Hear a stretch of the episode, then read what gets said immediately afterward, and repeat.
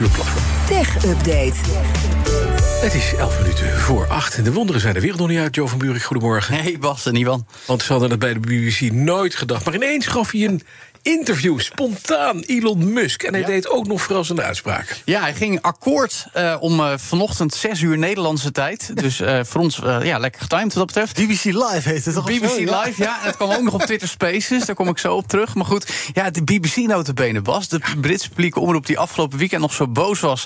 gezien de manier waarop Twitter nu aangeeft... dat de BBC door de staat gefinancierd is. Eh, dat gaat trouwens wel aangebast worden, zei Musk terloops in het interview. En voegde daar nog een keer aan toe dat hij veel respect heeft voor de BBC. Ook feedback wilde krijgen door in te stemmen met dit interview.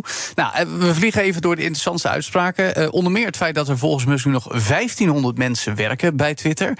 En voor de goede orde, een half jaar geleden was, waren dat er 8000. Nee. Ja, bijna. 1500. oké. 1500 dus. Maar goed, zegt ook dat adverteerders nu langzaam maar zeker terugkeren. Wilde echter geen concrete partijen noemen. En dat mm, door die kaalslag me- mede nu min of meer break-even gedraaid wordt bij Twitter. Nou, als je zoveel hebt afgeslankt, dan kan ik me daar bijna iets bij voorstellen. Musk zei ook, ik voel veel emotionele druk sinds ik Twitter heb gekocht. Dat de media me hard aanpakt, maar dat hij ook altijd een rare haat-liefdeverhouding heeft gehad met ze. En dat het ook wel goed is dat de vrije pers bestaat, dat vindt hij dan weer wel. De ouderwetse blauwe vinkjesbas noemde hij ook even, zoals die van mij, eh, waar ik niet voor betaal overigens, zou de volgende week dan echt weg moeten zijn. Dan krijg je dat alleen nog als je het abonnementje Twitter Blue neemt voor Tuurlijk. tientje per maand. En hij zei dat Twitter, eh, ja, dat hij dat toch vooral gekocht heeft omdat de rechter hem anders zou hebben gedwongen afgelopen najaar. Nou, dat verhaal kennen we nog wel, dat was dus zo van vorig jaar. Tegelijkertijd zou hij het niet weer voor 44 miljard zijn koopsom willen verkopen. Dus hij is er een soort van verknocht aan geraakt of zo. Ook interessant, een paar keer in het interview probeerde hij de rol om te draaien. Het ging bijvoorbeeld over haatzaaiende content of berichtgeving over corona. En die vragen ontweek hij eigenlijk allemaal door de vraag: hoe gaat de BBC daarmee om? dus ja, zo kan Ja, het ja. ook.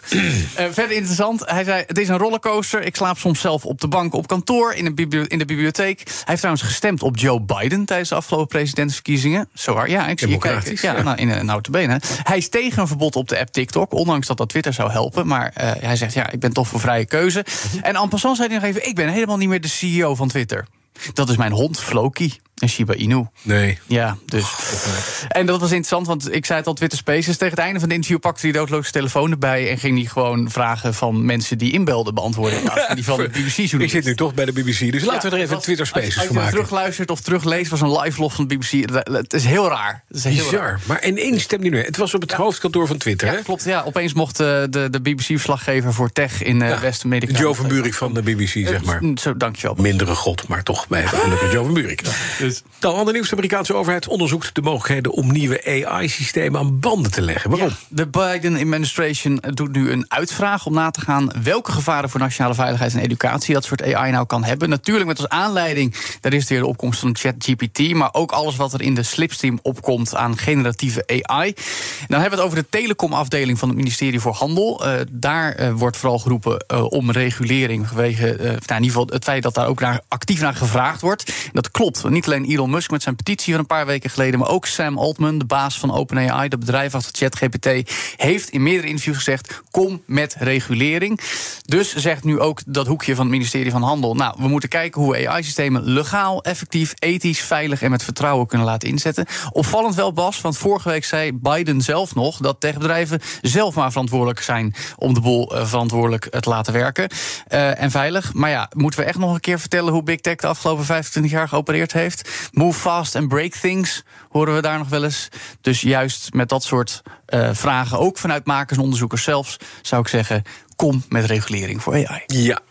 Dank Joe Biden. Heel even kort OpenAI, want het roept juist eh, techneuten op te helpen om bugs uit ChatGPT te krijgen. Ja, dat is wel interessant. Er is een bug bounty programma Ja. aangekondigd. Heeft niks met suikers te maken trouwens, maar wel met het vinden van kwetsbaarheden en daar geld voor krijgen. Oftewel, ethische hackers mogen hun best doen om dingen te slopen en dat te melden. Kunnen ze tussen de 200 en 20.000 dollar mee verdienen. eh, Afhankelijk van hoe bijzonder de ontdekking is die je doet. Eh, en dat zien we wel vaker, maar interessant ook dat OpenAI dat nu in de context van ChatGPT doet. Dankjewel, Joe van Buurik. De BNR Tech Update wordt mede mogelijk gemaakt door Lenklen. Lenklen. Betrokken expertise, gedreven resultaten.